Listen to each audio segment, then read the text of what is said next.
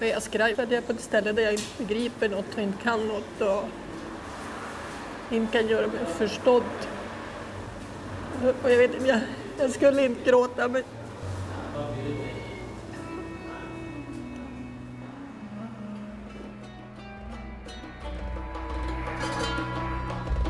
Du lyssnar på Hon sprang ensam genom Iran.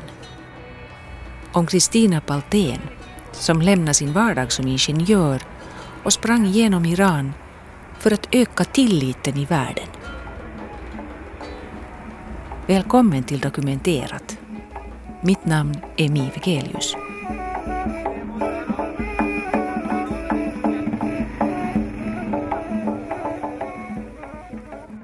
Kristina Paltén är hemma från Pite i norra Sverige.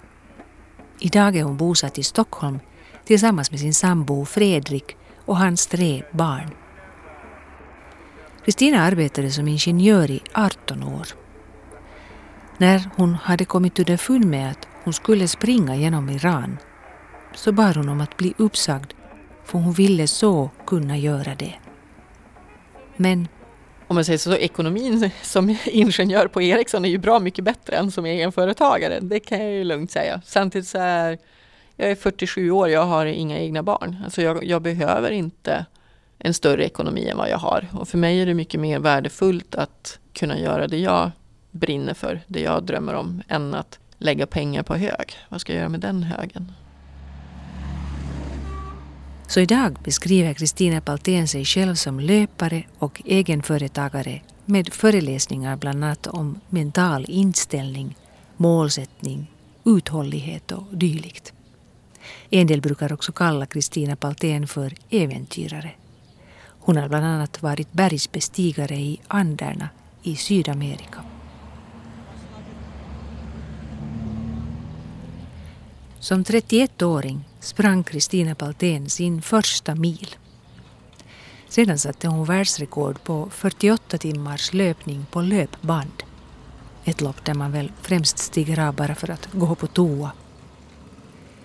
Men hur kom hon då på idén att hon skulle springa genom Iran? En färd som kom att ta nära på 60 dygn. Och hur reagerade hennes familj på det? Ja, det är ju kanske inte det första man tänker på. Men jag var less på att se främlingsfientlighet i Sverige. Och jag var less på människor som är rädd för andra människor. Och idén föddes egentligen 2014 och då hade vi terroristattentat. Inte i Sverige då, men på andra ställen. Och syftet med en terroristattentat är ju just att göra oss ännu mer rädda för varandra. Och jag kände bara, nej det här går inte jag med på, glöm det. Jag vill inte leva i en värld där vi är rädda för andra människor. Samtidigt så har ju jag mina fördomar. Och jag råkade snudda vid tanken på att springa genom Iran. Just för att jag och en kompis, vi hade sprungit från Turkiet till Finland och så paddlade vi hem från Tenala till, till Stockholm. Och jag och min kompis Karina Borén. Och då tänkte jag tanken, ja, men om jag åker tillbaka till Turkiet och så springer jag från Turkiet åt andra hållet. Men då måste jag passera Iran.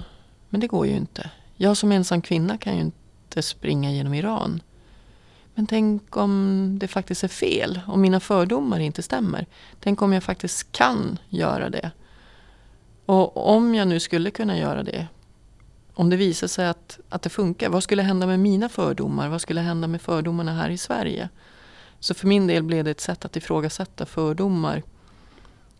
Och jag ville verka för tillit mellan människor. Det var det som var syftet.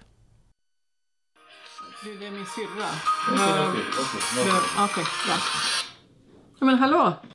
Hej, det är Ulrika. Tjena! Du, du, jag funderar lite på... Ja. Händer det någonting så är det ju ändå jag som på något sätt blir kvar här med mamma och pappa och, och ta hand om dem och deras mm. sorg och, och, min egen sorg. Och... Jag förstår ju att du tänker och känner som du gör. Min syster ringde och frågade mig om hur hon skulle ta hand om mammas och pappas sorg om jag aldrig kom hem igen. Mina föräldrar är 80-82 och jag ska säga, min syster fick jag hantera på så sätt att okej, okay, jag hör din oro, jag förstår den. Och jag lovar att göra allt jag kan för att du ska känna dig så trygg som möjligt. Så jag skaffade en spot till exempel, en satellitsändare egentligen. Så hon kunde alltid se på en karta vart jag fanns, för den sänder ju signaler hela tiden. Och med den kan jag också skicka ett meddelande hem varje kväll. För den går på satellit och jag visste ju inte hur mycket internettillgång jag skulle ha. Sen fick hon också kontaktnummer till Sveriges ambassad i Iran, till Amir, en kompis som kan persiska och som hjälpte mig att planera mycket. Så samtidigt så blir det så att ja, men, det jag ville ifrågasätta var ju rädslor. Och då får ju inte min familjs rädsla begränsa det jag vill göra. Samtidigt kände jag mig som en skitstövel för att det är ju min familj som blir mest orolig. Men min sambo var faktiskt inte orolig enligt vad han säger. Jag vet inte om jag tror på honom alltid. Men, men han var VD på ett stort svenskt bolag och han hoppade av för att starta sitt eget företag. Det var ju hans dröm. Så han kunde ju förstå att men det här är viktigt för Kristina. Det land Kristina Paltén valt att ansöka om ett tre månaders turistvisum till och springa igenom. Det är alltså Iran. Från väst till öst där gränsen till Turkmenistan finns. En sträcka på närmare 2000 kilometer. Och ja, det är ett land med sharia-lagar. Jo, alltså visst att man ska säga att man hugger av en hand för en stöld. Det är, ja, det är mycket hårdare. Samtidigt tycker jag det som är mest skrämmande med de lagar som finns i Iran, det är till exempel att det är dödsstraff på att förolämpa den högsta ledaren, alltså ayatollah Khamenei. Det är dödsstraff på att eh, förolämpa Gud. Ja, det är dödsstraff på att häda. Och vad som är en förolämpning mot högsta ledaren, det är det ju polisen som bestämmer. Det finns ingen lag som säger vad som är en förolämpning. Det är helt upp till ett godtycke på den polismannen jag möter. Det är helt upp till ett godtycke hos polismannen jag möter också om den tycker att jag har en korrekt hijab, alltså täckt mitt hår på ett korrekt sätt eller inte.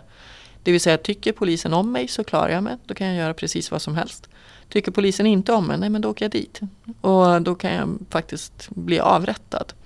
Och just det här godtycket, att det inte finns en rättsstat, är fruktansvärt. För det betyder att du kan ju inte vara säker någonstans egentligen. nu har jag startat och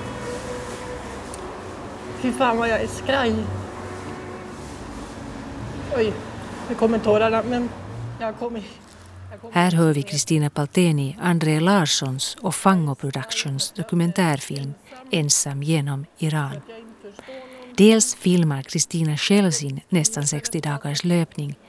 Några dagar har hon med sig fotografen Surush Morshedian. Jag är skraj för att jag är ensam för att jag inte förstår någonting. Varken skrivet eller pratat. Jag är skraj för, jag är skraj för att jag är på ett ställe där jag inte begriper något och inte kan något och inte kan göra mig förstådd. Och jag vet inte, jag, jag skulle inte gråta men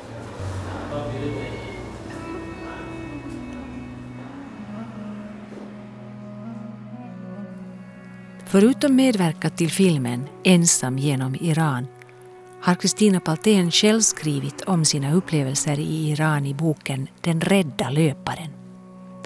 Så vad var hon då mest rädd för innan hon gav sig iväg? Och jag var ju rädd för allt möjligt. Jag hade ju alla de här, om man får säga så, klassiska fördomarna att jag ska bli våldtagen. Jag ska bli misshandlad, kanske till och med bli mördad. Att eh, en ensam västerländsk kvinna i muslimskt land. Det går ju liksom inte. De kommer att kasta sten på mig. Sen var det också att någon ville statuera exempel. Alltså att visa att ja, men här ska ingen kvinna komma och, och springa ensam i, vårt land. Att folk skulle misshandla eller ja, bete sig illa mot mig på det sättet. Sen var det också att jag ska hamna i fängelse. Ja, alla möjliga sådana där horribla bilder och det var ganska jobbigt att inse att jag hade de tankarna. För jag tycker inte att jag är rasist så att säga. Men det fanns ändå en bild av att det här var någonting farligt. Och, ja, sen fanns det ju sådana jätte... Alltså allt möjligt med, ja, men kommer jag bli biten av en orm? Kommer min mamma och pappa bli sjuka eller dåliga medan jag är borta? Kommer jag hitta vatten? Kommer jag att ligga och kräkas ensam i en öken. Så det fanns ju allt möjligt. Vi ses i Turkmenistan. Rent praktiskt, hur är Kristina Paltén utrustad under sin väg tvärs genom Iran? Jag springer med en barnvagn och i den har jag tält och kläder och sovsäck och kök och sådär. Och barnvagnen väger 9 kilo och packningen väger 25. Så att sen har jag 5 kilo vatten på det också. Så att eh, det blir ju ganska tungt. Så, och är det uppförsbacke då går jag. Då puttar jag den bara och går. Men alltså redan det här att alfabetet är ett helt annat. Det var spännande, för det första som hände när jag kom till Iran det var ju att jag ville köpa papperskartor för att jag vill ju hitta och jag vill gärna hitta småvägar. Men kartorna jag kan hitta ju bara på persiska så det kan jag ju inte läsa. Och eh, vissa gatskyltar, alltså avståndsskyltar längs vägarna, de är enbart på persiska. Men många är på både persiska och vårt alfabet. Så eh, i början fick jag helt enkelt ta en bild på staden jag skulle till och så jämföra bilden med vad som stod på vägskylten. Men sen om vägskyltarna var både på persiska och på vårt alfabet, då kunde jag jämföra bokstäverna så jag började förstå vad som motsvarar vad. Så i slutet på resan kunde jag faktiskt tyda, läsa de flesta gatskyltar och förstå dem. Och det var ju jättehäftigt. I boken Den rädda löparen säger Kristina Paltén också så här om själva logistiken. Att tälta på ett fält ut med vägen eller en åker är uteslutet eftersom marken kan vara pepprad med miner. Jag får hålla utkik efter andra lösningar. Ja, så vad för lösningar erbjuds då Kristina Paltén ensam i Iran? Hur kommer hennes färd igång och vad möter hon? Den första kvällen då ville jag ju visa för mina vänner hemma i Sverige att jag hade startat. Och jag gick in till en restaurang och frågade om jag fick låna deras wifi. Och de höll på att ställa upp till bröllop för att ja, det skulle vara ett bröllop där. Men jag fick sitta i ett hörn och jag laddade upp bilder och filmer på internet och visade att nu, nu är jag igång. Och då kommer personalen och ställer fram en massa mat framför mig, bröllopsmat. Och jag förstod ju inte varför, för jag är inte bröllopsgäst och jag har inte beställt någon mat heller. Men så säger de bara, ja men du är gäst, mm. välkommen till vårt land. Och jag fick äta och dricka och jag fick inte betala någonting. Så det var ja, ett fantastiskt mottagande. Och jag har tänkt många gånger på hur viktigt det var med de här första, första vänligheterna. Alltså att, hur de tog emot en främling i deras land. Att det var så viktigt för mig. För att jag var ju rädd. Men nu så möttes jag av vänlighet och då kan jag också vara vänlig tillbaka. Så hur fortsatte det sedan dag två? Ja, dag två var ju spännande för då hade jag ingen aning vart jag skulle sova. Så jag sprang längs vägen och så stannade en vit bil bredvid mig. Och så kliver ut en man och frågar om jag vill sova hemma hos honom. Och jag blev lite så här, ja men du är ensam kille, hur bra blir det här? Men så säger man, ja men jag har familj, det är lugnt. Jaha, okej, okay, tack, sa jag då. Och du litar på det? Ja men det gjorde jag. Så vi utbytte telefonnummer och jag fortsatte springa och kom fram till staden dit jag skulle. Och den här mannen kom, men då visade det sig att han bodde 25 kilometer därifrån. Och jag hade inte lust att springa 25 kilometer till. Så att då stod det där utan, utan husrum igen och var lite förtvivlad. Men jag hade ätit på en restaurang precis innan. Och den mannen tog inget betalt för maten heller, det vägrade han. Och han hade med teckenspråk frågat om jag hade någonstans att sova och jag hade ju svarat ja. Men sen, då gick jag tillbaka till honom och frågade om han hade någonstans att sova till mig. Och eh, det slutade med att jag fick sova hemma hos honom och hans familj. Och när vi kom in i huset var det ju ett vardagsrum och ett kök som sitter ihop på ett enda sovrum. Så då bäddade de till mig i sovrummet och själv så, så sov hela familjen på vardagsrumsgolvet. För att gästen skulle ju ha det bästa. Först upplever jag smärtan som finns i landet. Varenda människa saknar någon någon som dödats eller skadats. Vid varje by och stad jag springer in i sitter bilder av människor som dött i kriget mot Irak. Sedan byts smärtan ut mot lugna leenden. Jag blir förvånad. Hur kan ett folk som upplevt så mycket smärta samtidigt vara så vänligt? Kanske är det just därför. De behöver tro på det som är vackert. Hur skulle de annars kunna leva?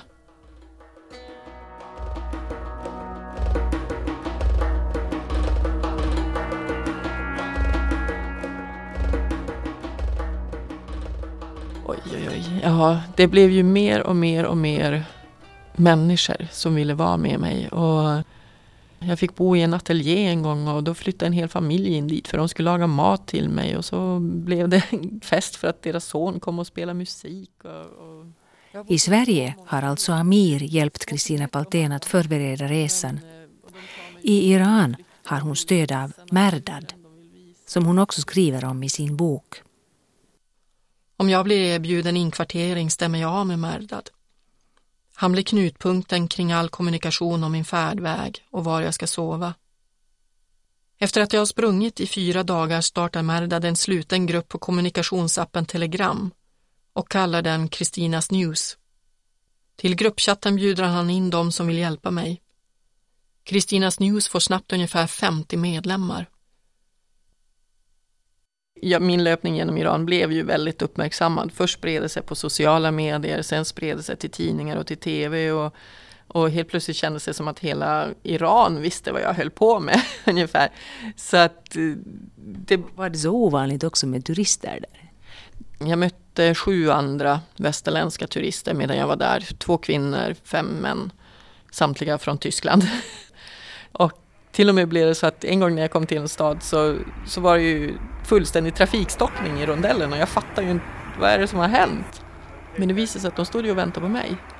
Och där stod turistchefen från kommunen och en massa höjdare och de skulle bjuda mig på lunch på en jättefin restaurang och sen tog de iväg mig till ett museum och där fick jag en tavla och, och det stod män utanför i kostymer och gav mig signerade persiska böcker och ja, allting det blev så mycket. Jag fick bo hemma hos en kvinna till exempel och där hade sju kvinnor samlats. De målade en tavla till mig där de målade ett berg och så på det var det en blomma och så var det solstrålar och så sa de Berget är din uthållighet, blomman är din skönhet och solstrålarna är Guds nåd som gav dig både och.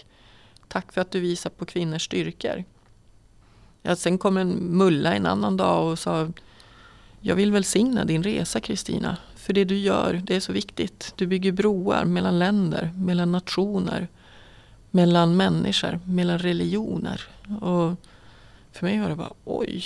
Alltså jag har ju bara sett Ayatollah Khomeini stå och skrika på tv och jag tyckte han var otäck. Men det här var ju en helt annan. Det var ju en fadersgestalt ungefär som en pastor i min gamla kyrka. Liksom.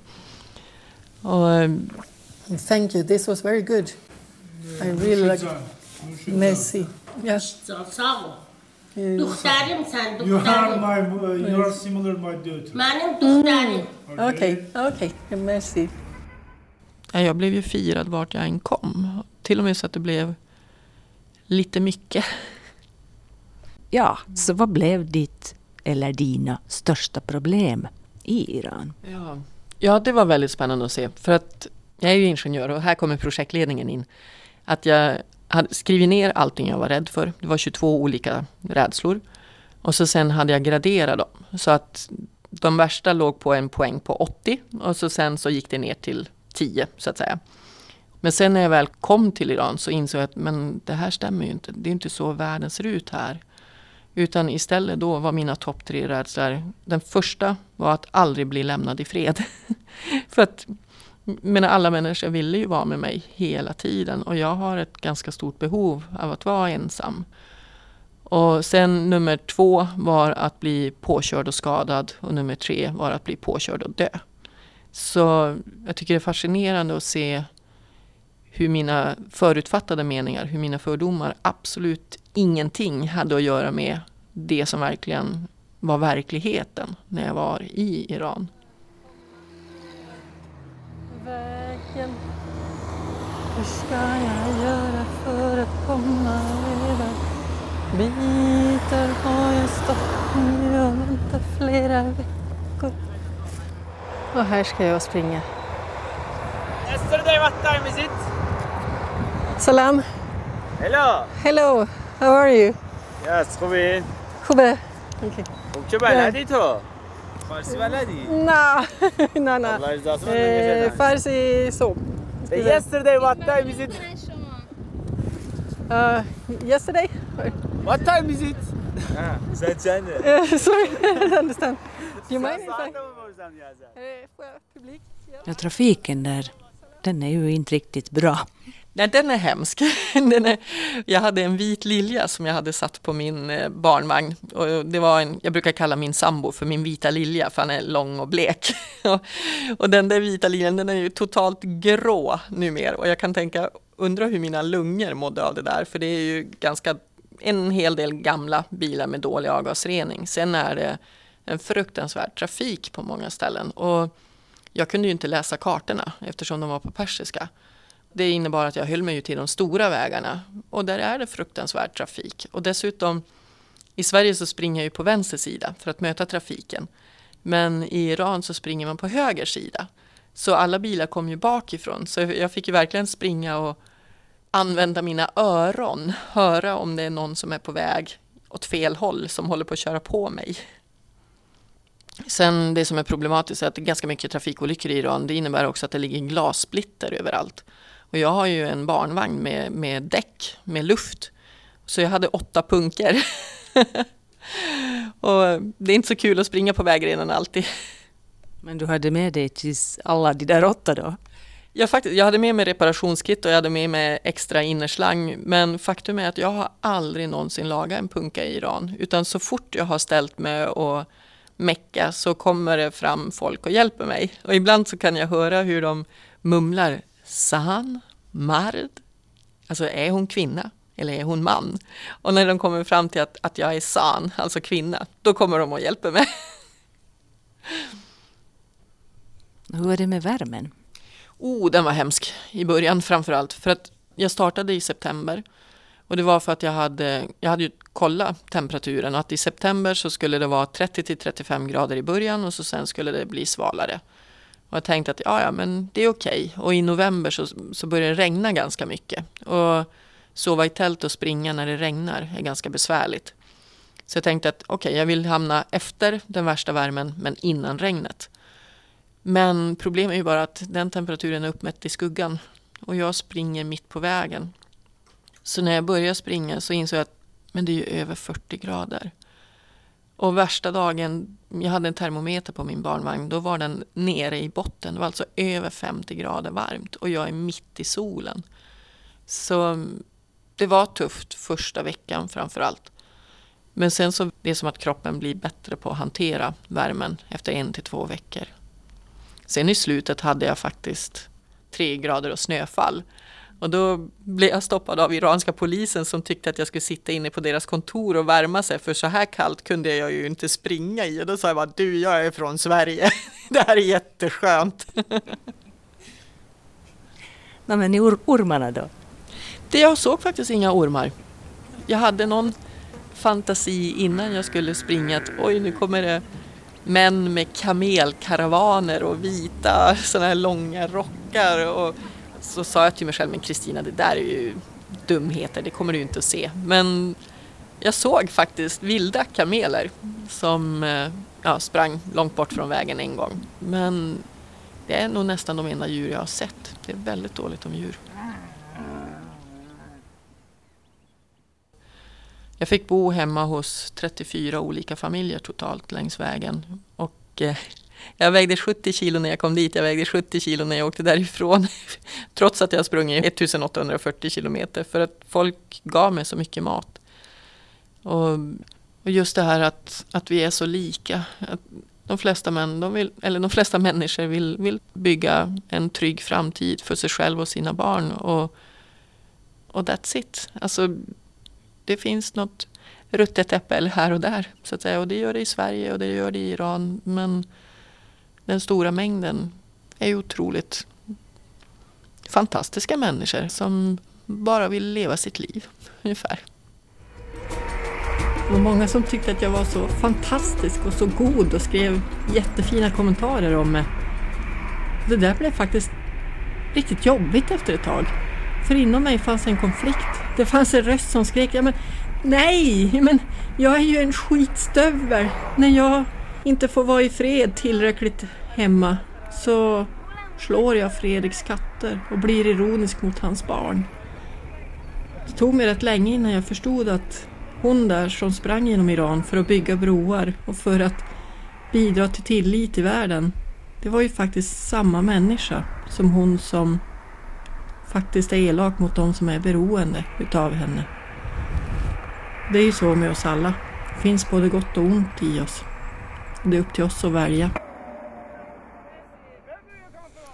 Men det här att du kommer dit och är annorlunda. Risken då att det där ruttna äpplet skulle dyka fram. Mm. Kunde det ha varit en större risk ändå? Det vet jag ju inte egentligen. Alltså någon gång emellanåt dyker jag på ett ruttet äpple i Sverige. Någon gång emellanåt dyker jag på ett ruttet äpple i Iran. Men nu har inte jag sprungit genom Sverige egentligen. Men jag kan tycka att jag stötte på väldigt få.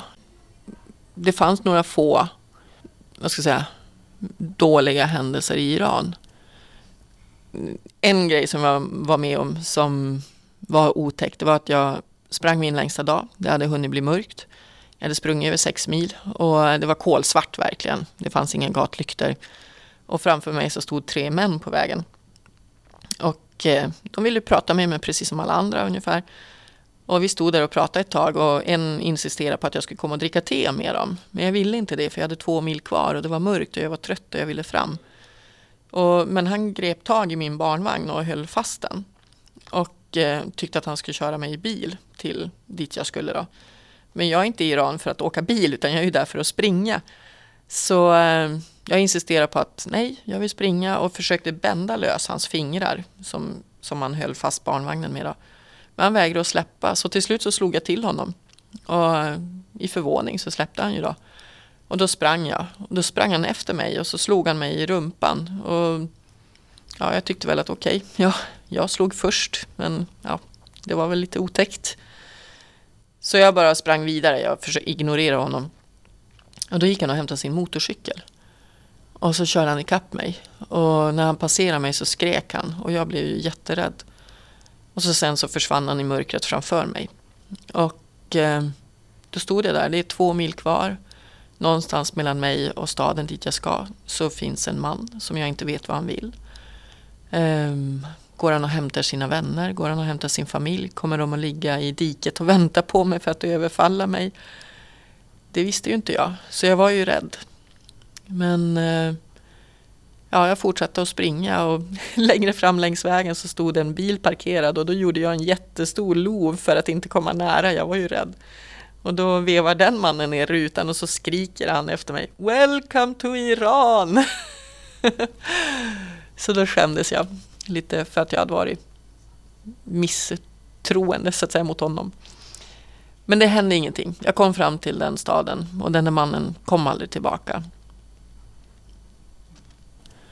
Som löpare, ja, jo jag har stött på några få dåliga i Sverige också. Men jag tycker det är intressant. I Sverige till exempel finns det ju diskussioner om ska kvinnor springa ensamma ute i skogen när det är mörkt? Ja, det har jag gjort i 16 år. Det har aldrig hänt någonting. Sen händer det ju. Det blev en kvinna mördad utanför Upplands Väsby. Men vi läser ju aldrig i tidningen om alla tusentals som inte blir mördade. Och jag tänker, i Iran så, jag blev stoppad av hundratals människor som ville ge mig frukt, ville prata med mig, var nyfikna, ville ta bilder på mig. Men jag blev också stoppad av fem män som har varit precis lika trevliga som, som de andra. Men mitt i alltihopet så frågar de sex. Och jag säger nej. Och så säger de ja, ja, okej. Okay. Och så åker de. Så det, det finns inget hotfullt. Men jag tycker inte det är okej okay att ställa den frågan det är inte okej okay att göra det till en främmande kvinna som springer ensam. För det triggar en rädsla hos mig. Och grejen är, jag kommer ihåg hur de fem männen ser ut. Jag kan fortfarande se deras ansikten. Men jag kan inte se ansiktena på alla de hundratals som enbart har varit vänliga. Och våran hjärna är fem gånger mer känslig för hot än för det som är tryggt. Och om jag bara kommer ihåg de här fem männen, alltså där jag kommer ihåg ansiktena, då är det lätt att dra slutsatsen att ja, men världen är hotfull. Men det jag behöver komma ihåg det är att räkna alla hundratal som enbart har varit vänliga men som jag inte kommer ihåg ansiktet på. För att min hjärna reagerar inte lika mycket på det. Så jag brukar säga att ja, men räkna allt det goda, allt det goda som sker och se hur det blir. Ja, det finns något ruttet äppel, men det finns hundratals goda.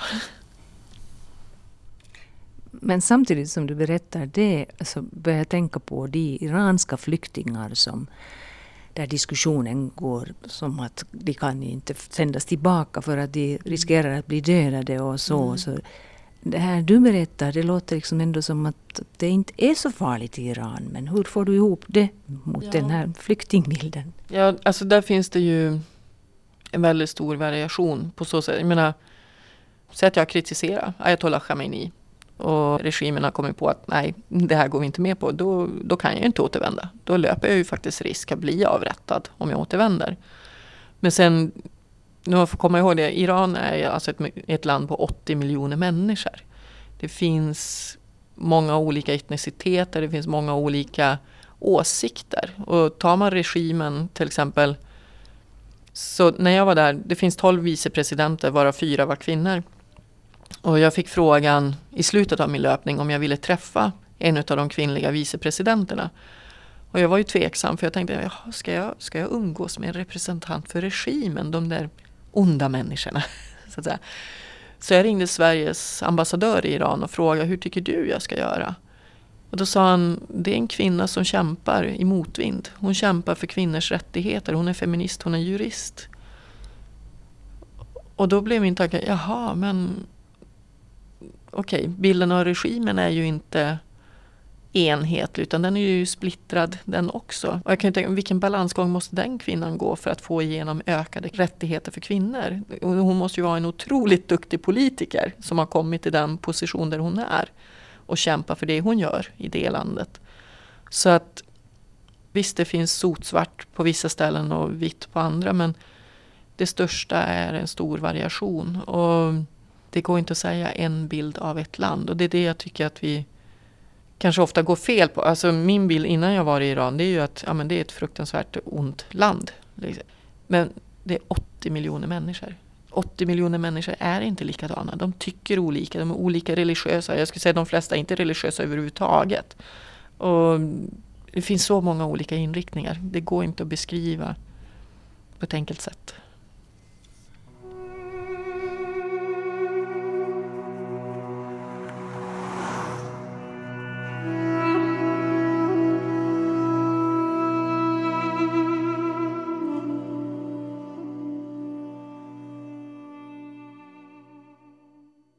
De flesta brukar ju fråga mig, hur vågade du Kristina?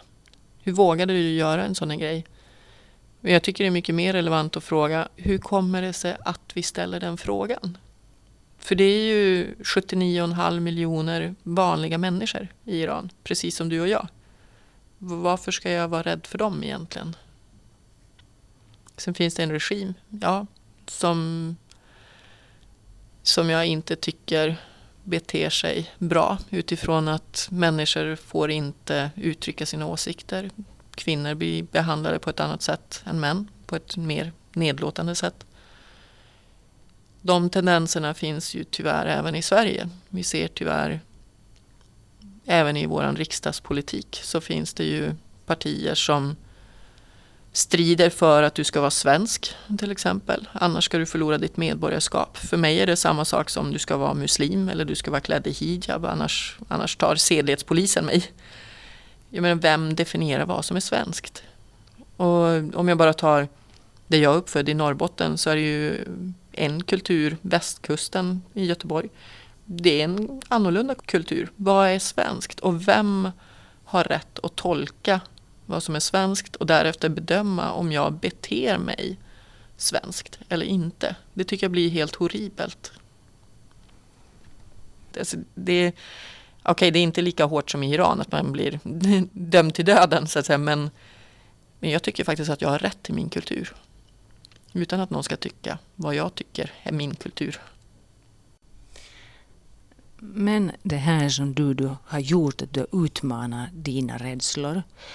Så vad händer liksom när vi ser igenom våra rädslor? Mm. Det där är jättespännande. Eh, ofta är ju rädslorna spöken. När man tar fram dem i ljuset så spricker de och försvinner och blir guldskatter. Så att utmana mina rädslor det gör ju också att jag växer som människa. För att ofta är det ju rädslan som hindrar oss från att göra saker som vi vill. Men när då väl spöket har spruckit så upptäcker jag ju nya världar. Och det är det som är så otroligt häftigt, att expandera både som människa och så sen även att lära mig mer om, om världen runt omkring. Till exempel i Iran så såg jag ju att människor är väldigt sällan stressade. Jag tror jag har sett en stressad iranier ungefär.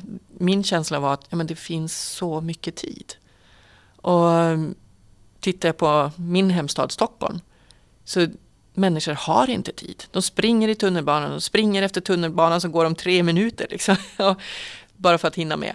Och jag tycker det är mycket trevligare när folk har människor, eller när människor har tid att prata med varandra och man tittar varandra i ögonen. Men frågar hur du mår och finns för varandra. Och det uppfattar jag att folk gjorde mer i Iran än vad vi gör i Sverige.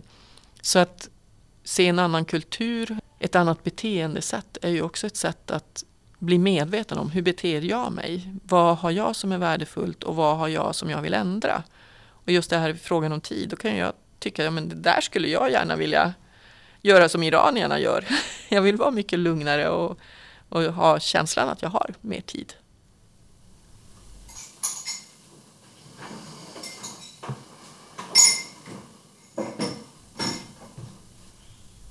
Vad för reaktioner har du mött på det här du gjorde?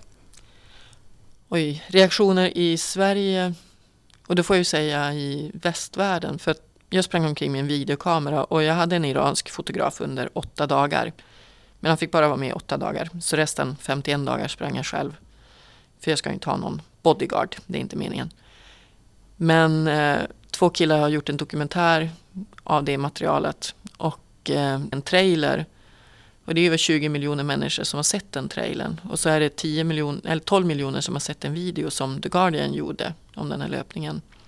Och reaktionerna därifrån det är ju wow, ja, men det är ju verkligen det här mänskligheten handlar om. Mänskligheten är i sin kärna godhet, vänlighet, kärlek. Och otroligt mycket positiva reaktioner på det sättet att det väcker hopp i människor, om det goda i människan. Sen finns det ju någon annan här och där som tycker att, att jag var dum i huvudet. Och då får de ju tycka det. Och, men det jag tycker är så roligt med det, det är ju att om någon tycker jag var dum i huvudet, ja men det handlar ju om den personen. Om någon tycker att jag gjorde någonting vackert, ja men det handlar också om den personen. Men kommentarerna jag ser, det är ju övervägande, jag skulle säga 98 procent, 99 procent, som tycker att det här var vackert. Det vill säga majoriteten av de som har sett det här i världen är ju fantastiska människor, tycker jag. Ja, själva avslutningen på ditt springande där, så hur slutade det hela? Ja men oj, det var, det var helt fantastiskt. Alltså, det visade sig att många iranier trodde ju inte att jag skulle klara den här löpningen heller, utan de var ju rädda att jag skulle råka illa ut.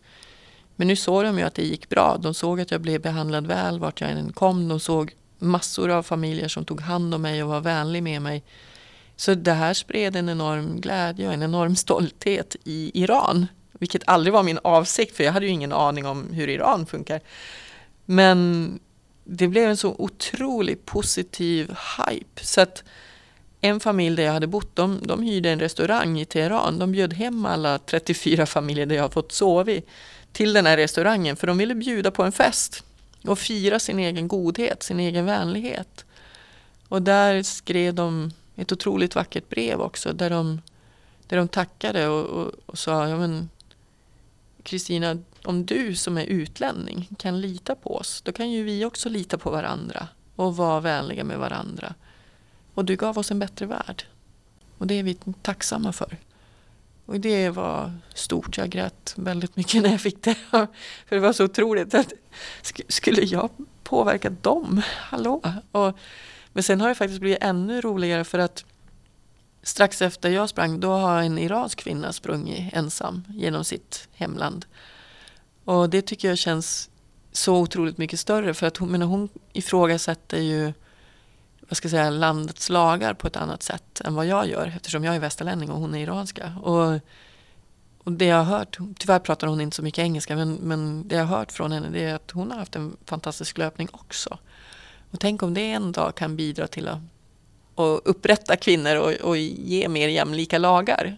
Plus att en kvinnlig löpare jag träffade i Iran, hon har i september i år fick hon igenom att starta Irans första tjejmil. Så det, det loppet gick av stapeln 7 september i år. Och eh, det var ju helt otroligt att hon fick till stånd det. Sen det som är ännu mer fantastiskt kan jag tycka det är att Masa som hon heter då, hon tycker att nej, men, vi ska absolut inte ha någon diskriminering av män. Så i Tjejmilen så var både kvinnor och män välkomna. Så loppet fick båda könen startar tillsammans och det är faktiskt första gången i Iran, alltså sen revolutionen. Så det hon har gjort är ju något helt fantastiskt.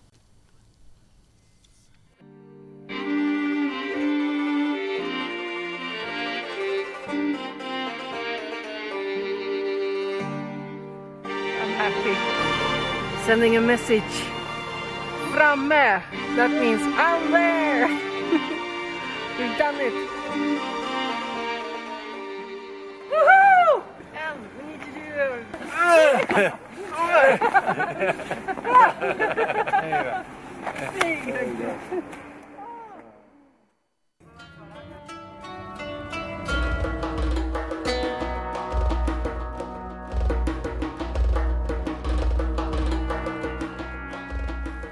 Det här var dokumenterat. Hon sprang ensam genom Iran. Om ingenjören, löparen, tränaren Kristina Paltén. Hon ville öka vår tillit till världen genom att springa genom Iran närmare 2000 kilometer från väst till öst. Förutom Kristina Paltén själv och citat ur hennes bok Den rädda löparen så har vi hört utdrag ur André Larssons och Fango Productions film Ensam genom Iran. Musiken i den var gjord av Jocke Gellerts. För ljudarbetet här svarade Anne Heikkilä. Producent var Staffan von Martens. Redaktör jag, Mive Gelius.